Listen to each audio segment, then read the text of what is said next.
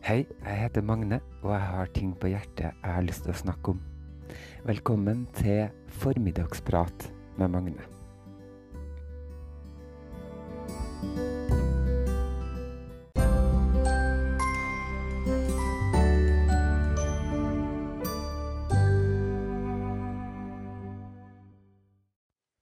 Hei og hopp, og velkommen til Formiddagsprat 75. Akkurat nå sitter jeg og tenker på fullmånen. For noen dager siden så var det det som blir kalt superfullmåne. Pink moon og rosa måne. Natt til 26., kanskje, tirsdag 27. april. Uansett så var jeg så fryktelig urolig den natta og våkna og var helt svimmel av drømmer og uh, ja, tilnærma mareritt. Og um, var kjempefølsom. Og, og det har liksom slått meg litt til ro på en måte med det her at ja, ja, det er nå fullmåne, og da, da blir det sånn. Da blir jeg litt ekstra sensitiv, da.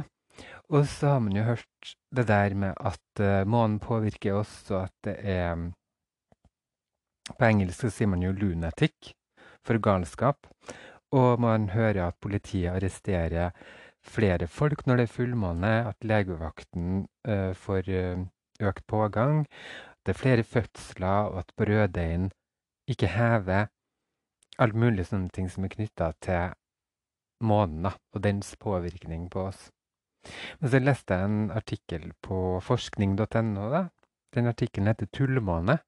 Og begynner med å fortelle litt om det her, da. At uh, uh, Hva som blir sagt om månens påvirkning på oss. Men så sier den også noe om noen forskere som har prøvd å forske nærmere på det her, da. Om, om det faktisk er sånn. Og de fant ingen god sammenheng da, mellom fullmåne og en lang rekke sånne type forhold. At folk blir galere og litt sånn. Og så um, forteller Ja, og så sier han også noe med det her med vann, for det er jo lett å tenke at, at månen påvirker flo og fjære, og at mennesket består av mye vann og sånn. Men det blir også avkrefta, for det er såpass lite vann i oss mennesker at når månen ikke påvirker et svømmebasseng, så vil den heller ikke påvirke vannet i kroppen vår. da. Men at det heller blir sett på som sånn at mennesket er veldig flink til å finne mønster i, i ting, og at, um, at månen blir forbundet med masse magi, og vi ser på film og TV og alt mulig, med varulver og greier med månen. Og så er den jo veldig fascinerende og har et veldig sterkt lys. Så, så månen nå, da, når den er sånn superfullmåne, så er den nærmere jorda, og den har jo et kjempesterkt lys. Og det kan jo også eh, kanskje påvirke oss, at vi blir mer urolige, rett og slett fordi det lyser om natta. Det er vanskeligere så. Og så har jeg tenkt også på det da, at jeg tror nok at noen mennesker kanskje er litt mer følsomme for um, for lys, f.eks., og lyder og ulike ting. Sånn at hvis at man har et litt mer sånn aktivt nervesystem, og, og kanskje også lett for å se mønster i ting og, og finne magi og mystikk i ting, så lager man seg sånne, sånne mønster. Men jeg kjenner jo at det er en spesiell stemning når den månen lyser så sterkt, ikke sant, så blir jeg jo litt sånn Å, det blir, det blir så sterkt lys, det blir så voldsomt for meg, og jeg føler liksom at nervesystemet mitt bare aktiveres litt ekstra uh, sterkt, da. Så sånn uh, opplever nå jeg det, da. Og så tenker jeg at jeg er nok uh, sikkert en liten lunatic og en liten new ager. En raring som liker å finne mønster i ting, og liker kanskje at ting er litt sånn magisk òg. Men den uroligheten knytta til månen er jo, er jo spesiell. Men det kan jo godt være at jeg liker urolig en gang det ikke er fullmåne, og at jeg kanskje drukker litt for mye kaffe.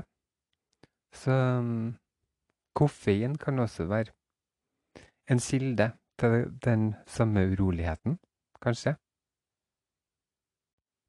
Neste superfullmåne er den 26. mai og blir kalt uh, blomstermånen, flower moon, fordi at mai er måneden der blomstene blir spredt opp av bakken. Og da er også månen på sitt nærmeste i år, blir det sagt, men den oppleves ikke som større enn sånn som månen var nå sist, da, i april. Og når jeg først tenker på det her med det menneskelige behovet for å finne mønster i ting, eller søken etter det åndelige eller det spirituelle For eksempel så fant jeg en veldig fin historie om,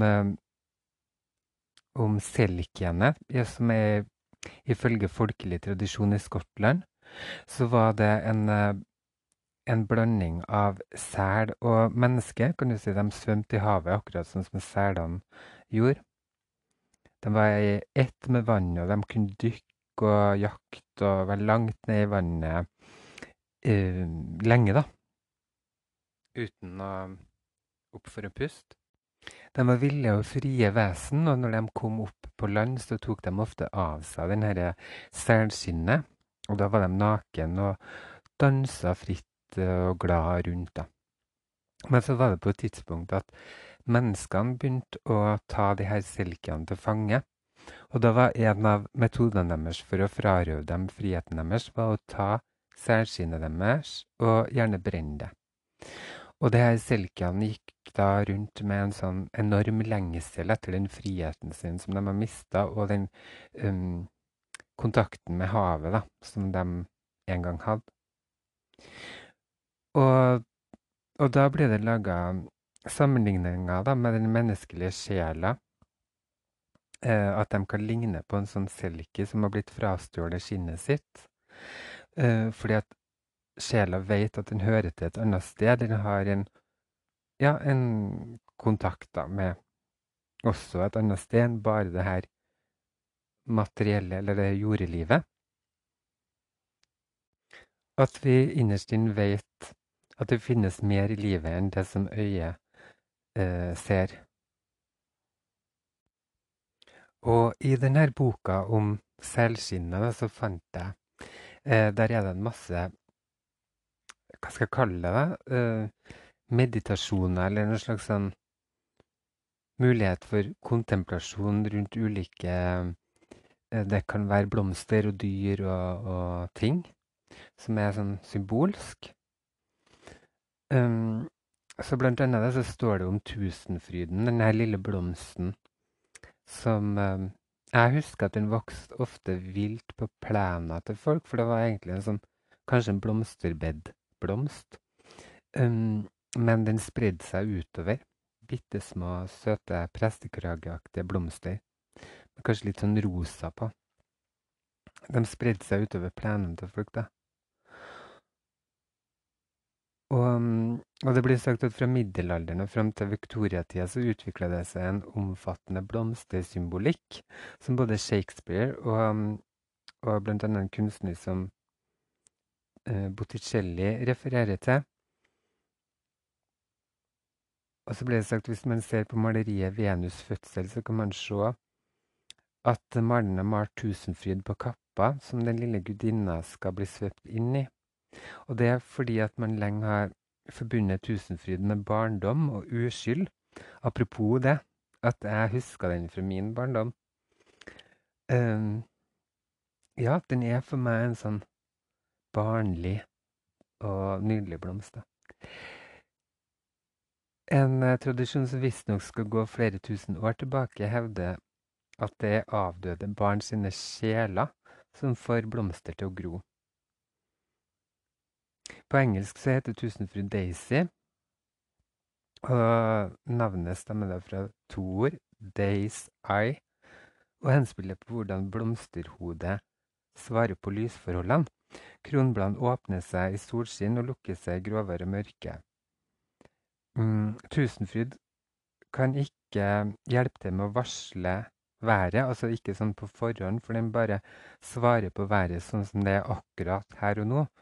Og sånn så kan det bli et symbol på det her med det barnlige, da. Barnet som lever i nuet og bare forholder seg til det som skjer akkurat her og nå. Og det jeg tenker på da, det er at jeg føler at det her voksenlivet så kan en del sånne bekymringer jeg går rundt med, eller tankespillene og sånn, øh, gjør at jeg ikke er helt til stede her og nå, fordi at det alltid er et eller annet i fortida eller fremtida, eller sånn som som går på å surre, da, i, i hodet hele tida. Um, sånn at jeg Ja, at jeg ikke er helt til stede, da. Og da kan man spørre seg når gikk man over fra å være bekymringsløs til å bli bekymringsfull? Ja, vet du, det Det klarer ikke jeg å svare på sjøl, for jeg føler at til og med når jeg var barn, så kunne jeg jo være bekymringsfull, men det var mer sånn der Kanskje Kanskje litt mer sånn der og da, ja. At når ting skjedde, at det var da Nei, vet du, jeg vet ikke. Men um, um, en annen ting man kan spørre seg, det er denne, de her voksenbekymringene. Kan man gjøre noen ting for å knytte dem bedre sammen med den tida de faktisk hører til? Står det i denne boka her, da. Og det syns jeg var litt sånn interessant, for at Fordi ja, da kom jeg på det gåsemorverset igjen. For hver en sorg som rammer deg, fins botemiddel eller ei. Kan noe gjøres? Gjør det bare. Kan intet gjøres, la det fare. Sånn at denne bekymringa vi sitter med, og som kanskje påvirker oss eh, Hvis vi lar den hørte akkurat, akkurat når den er viktig, da, når vi kan faktisk gjøre noe med den, så har det noe mer for seg. Og mm, da kommer bekymringa på en måte til sin rett. Men eh, hvis vi driver og drar den med oss som en sånn underliggende sånn skummel greie, så er det kanskje ikke så heldig, da.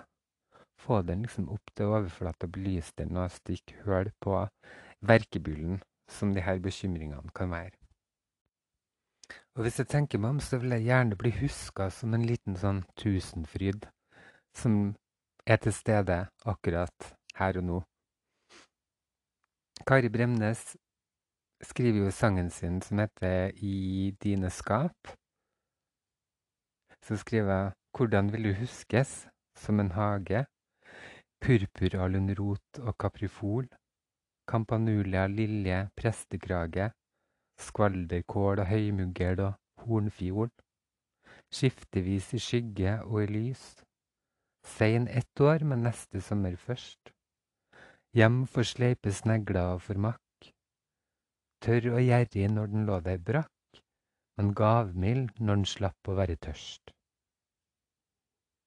Den kom jeg til å tenke på litt fordi også jeg fikk noe flotte, fine meldinger fra min gode, gode lytter Silje. Jeg vet at du hører på.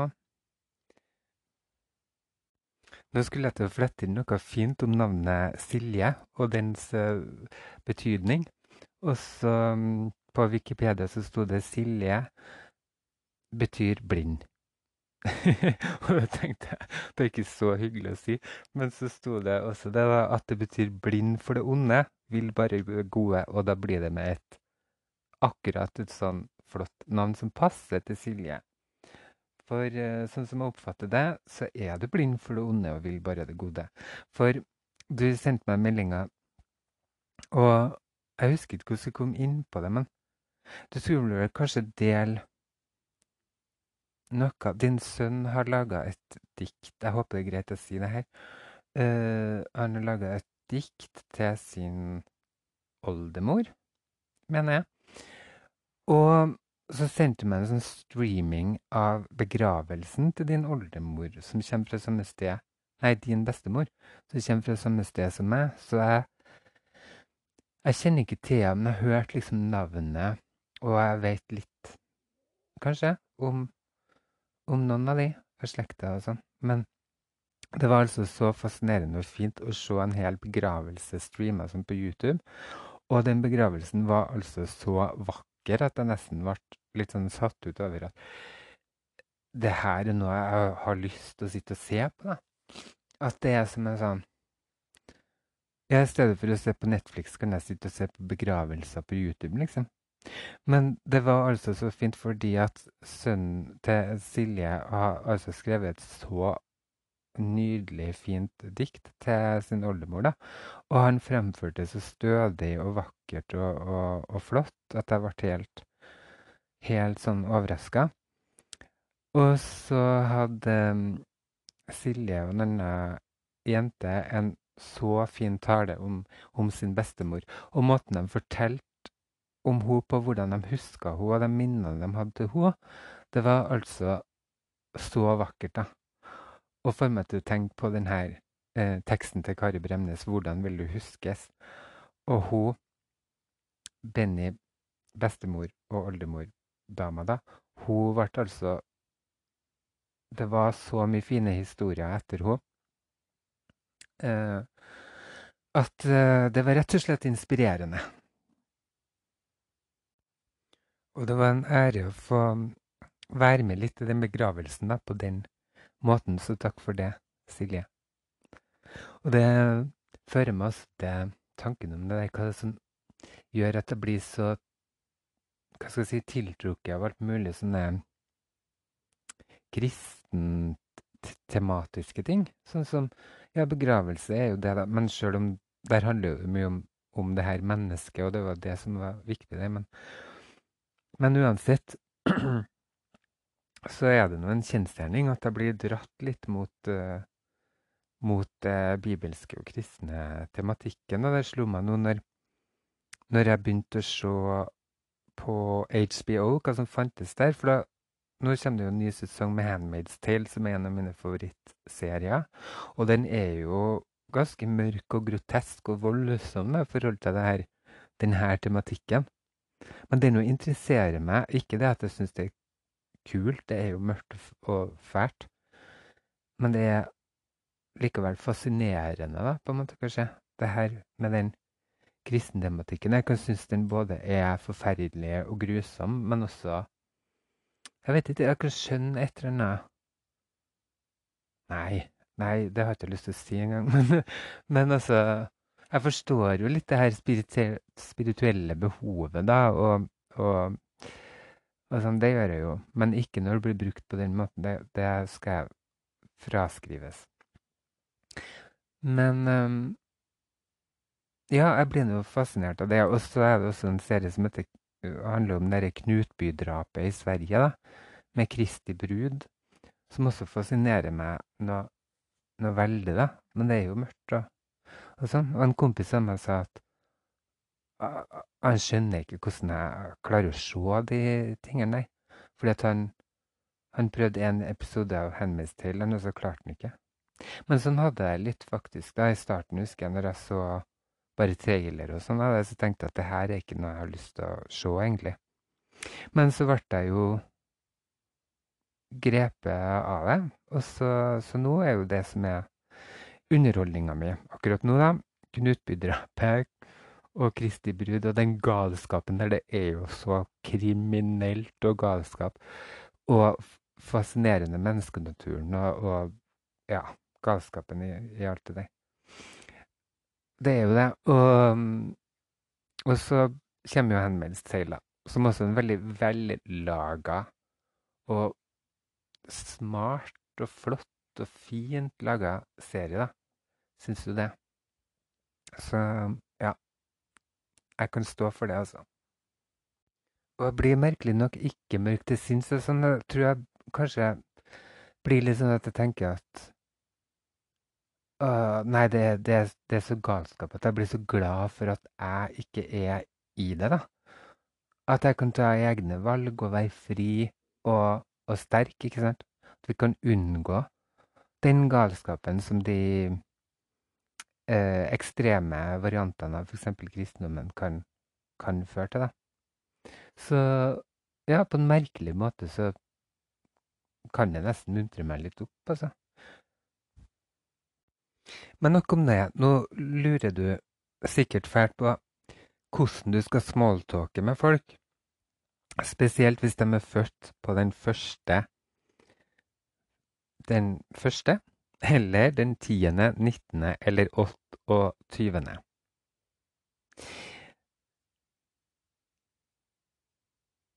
Det vil si at uh, her kommer vi til tallet 1 da, uansett. ikke sant?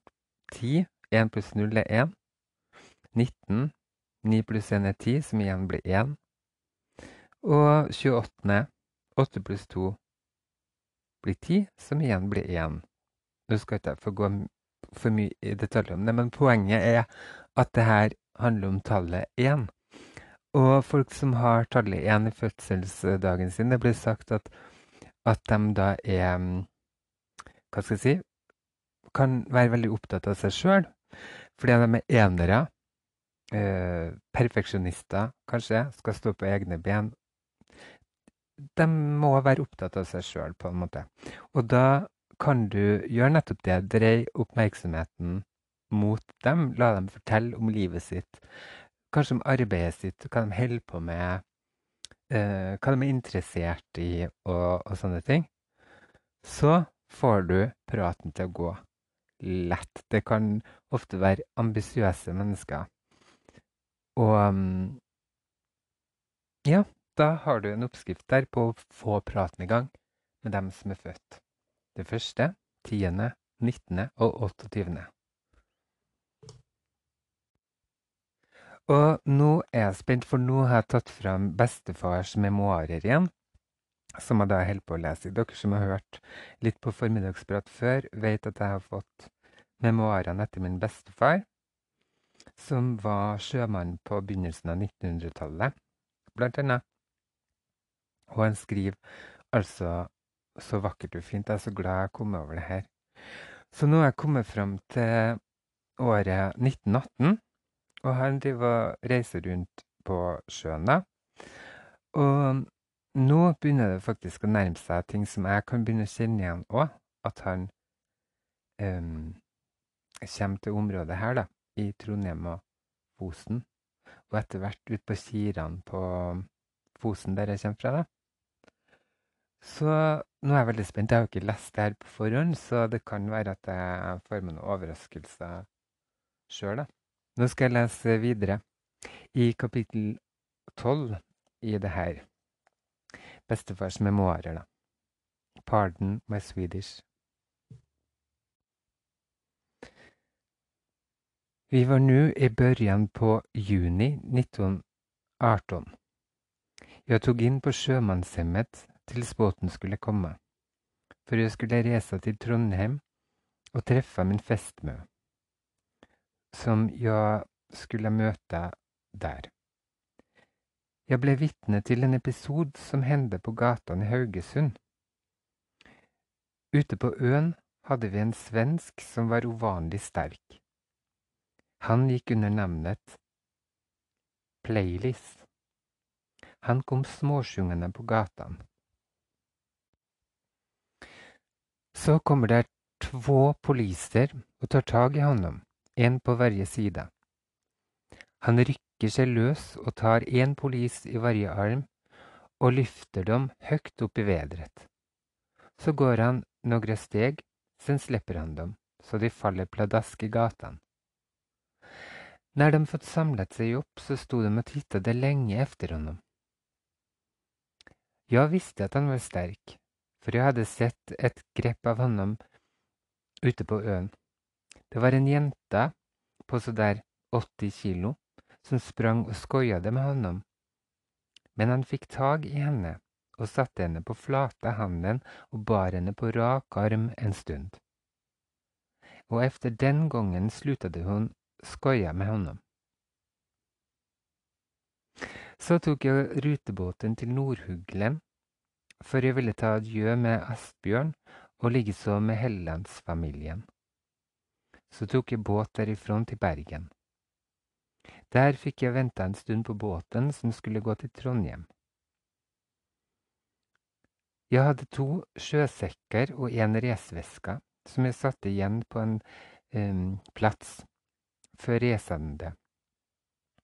Jeg gikk meg en tur ut med kaien.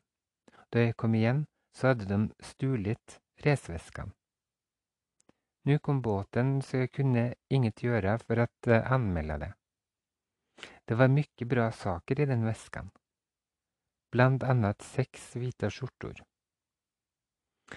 Så kom jeg da til Trondheim, der kjæresten sto på kaien og tok imot meg. Vi bodde nå på Rosvolls hotell i Bratterveita, som forrige gangen. Jeg hadde kjøpt ringer og sendt hennes ring til henne og jeg hadde under tiden sendt henne 300 kroner, og det var også min mening at vi skulle gifte oss da vi kom til Kiran. Det ville hun ikke, men vi reiste i alle fall til Kiran med en gammel Namsos-båt som heter Nauma. Velkommen til Kiran dagen før midtsommeraften 1918. Da vi kom til Kiran, var hele familien forsamlet for å ta imot Jennys svenska festmann.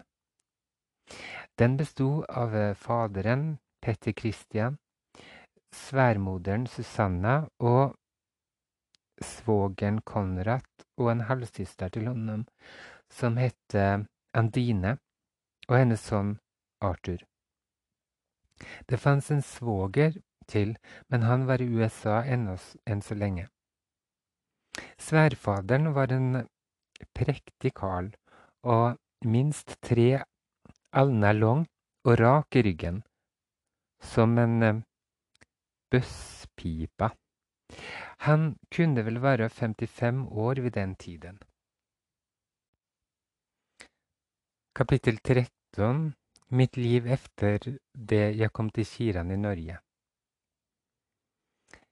Fiskerbefolkningen brukade vid slåttatider reise opp til bøndene i dalene på slåttarbeite.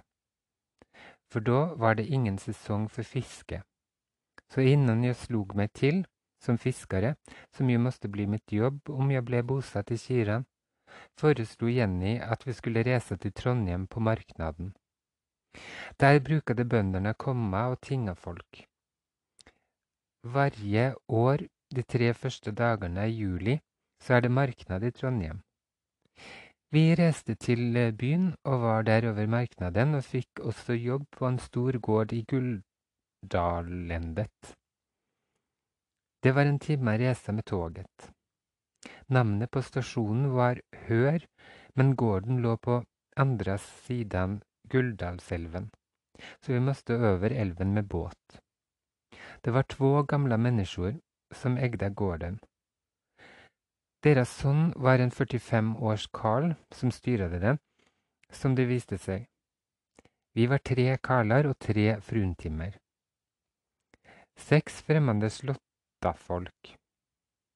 Karlene skulle ha 60 kroner i vekken, og kvinnens øh, 40 kroner.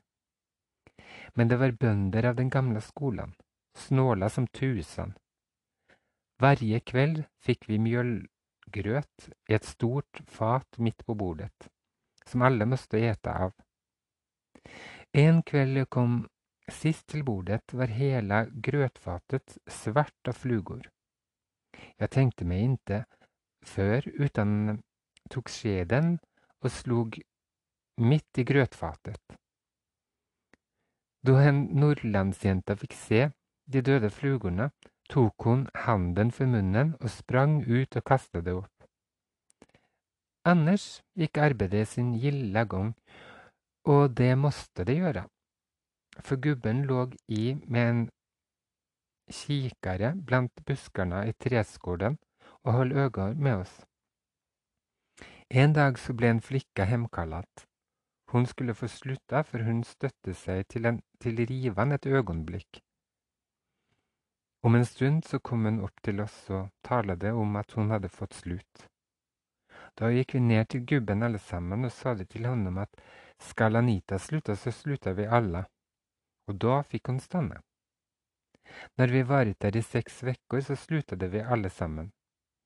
Det var nok et par vekkers arbeid til, men kosten var så dårlig at vi slutta det alle. Det var en av karlene som var vegarbeider, Bas. Han sa det til meg, om jeg hadde vært på vegarbeidet, så kunne jeg resa til Lensvika, så skulle jeg få arbeide hos honom. Nå reiste vi hjem til Kiran igjen, og så fikk jeg vel lære meg noe om fiske, for det hadde jeg ingen anelse om.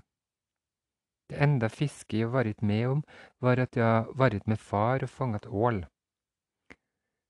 Så en dag så sier sværfar at vi skulle ro på sjøen og prøve fiskelykken efter uer, en fisksort som gikk på hundrede femners djup og fiskades med snøre. Første gangen jeg så sådan fisk, var i Narvik, der de kalte den for rødfisk men det var mye større oppe i nord. Jeg så en låda uer på en fiskebrygge i Trondheim som var kommet nordifra. Det var ti kilos fisker, alle i hopa. Særdeles under eh, førre verdenskriget så var de små utenfor kirene. Den vanlige storleken var to på ett kilo. Det var eh, fint vær da vi kom til Kråsråsa, som fiskplassen kallades. Sværfar børjede kasta, og fisken bet. Han drog två og två i slengen. Det var fint veder og ingen strøm. Så han sier, du kan ta det andre snøret og kasta du også. Ja, jeg løste opp snøret og børjede kasta. Snøret sto på 90 famner, men fisken var på 80, og jeg kjente virkelig fisk. Jeg dro opp, men hva små de var. Jeg fikk to stykk. Første kastet i mitt liv. Det gikk bra tils jeg fått 15. Da kranglet det til seg for meg. Jeg hadde draget opp en bit da jeg tykte den forsvant. Jeg kjente fisk på nytt, men da jeg drog opp, var fossingen i en røre. Jeg hadde hatt fisk på da uh, jeg rende ned, så nå fikk jeg jobb med at reda greiene. Da jeg var ferdig, så var fisken slutt. Da hadde Petter 30 og jeg 15. Så jeg jamret meg for at jeg ikke hadde flere men sværfar tykte at det var bra for første gangen. Jeg hadde jo aldri taget et snøre før. Petter var en øverdengare med snøre, men han hadde jo så lange armer. Han drog opp snøret på hundrede femmer i én kick. Og med tiden så ble jeg en medelmettig uerkastere. Det var kommet sild i Sjørafjorden, og Petter hadde sildgarn. Så vi for dit for at fiske matsild. Vi bodde hos Mette Stranda. Vi fikk eh, lite sild også, men eh, silden tok slut, så vi for hjem. Og som vi satt i kjøket og pratet en kveld, så talte sværfar om at han var ikke vinterjegere. Dagen efter så gikk jeg til en grabb som hadde gevær, og fikk låne det, sammen med noen skott. Om kvelden så tenkte jeg å gå på uppderjakt, men hva de gjorde, narr av meg innan jeg gikk. Innan jeg gikk, bestemte jeg meg at uh, noe bytte skulle jeg ha med da jeg kom, kom hjem om inte annat enn en kråka. Det var første gången med alt jeg företog meg, efter at jeg kom på denne platsen. Jeg hadde jo tur med fisket, hvorfor kunne jeg ikke lykkes sparka meg i enda neven nå? Efter alla glåpord som jeg fått, så tok jeg bössan under armen og vandret i vei ut med stranden. Det var just ved solnedgangen som jeg kom til en plass benevnt Utterhallen. Der satte jeg meg ved siden av en fjellvegg som var en fem-seks meter høg. Der satt jeg med bøssene over knærne og filosoferte en stund, til jeg fikk se et djur komme simmende over fjorden mot stranden, der den forsvant. Jeg gikk en tur for å se efter det, men så ingenting, så jeg satte meg igjen, men straks efter så kom det et lite djur med nosen i marken, sakte gående mot meg. Det var for lang avstand, men det kom alt nærmere, og da det var ca. 50 meter, så smalt det, og det ble liggende. Jeg gikk bort for å se hva det var, og det var en otterhøne med blågrå, vakker pels. Jeg tok otteren i bakbenet og spaserte hjem. Da jeg kom i førstuen, så var det en annen låt enn da jeg gikk. Særskilt sverfar var imponert av at jeg kunne skyte en otter, som ikke hadde noe forstand på dens kommende eller gående. Sverfar lærte meg at flå den og tana den. Det børjede lide mot min første jul på Kiran, og den var vel, som andre fattigmannsjuler, med julgran og tilbehør. Det børjede gå tiden den om en svår sjukdom som herjede sør på landet. Det var spanskasjuken som skulle komme og ta mange ungdommers liv.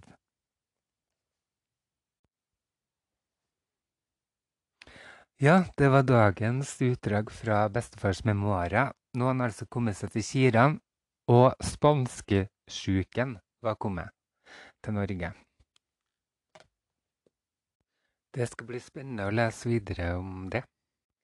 Nå skal jeg straks sette meg og se videre på flere kristentematiske, grusomme TV-serier, og da gjenstår det bare å takke så mye for at du hørte på meg i dag, i dagens formiddagsprat, og så håper jeg at du kommer tilbake til meg igjen. Ha det riktig, riktig godt.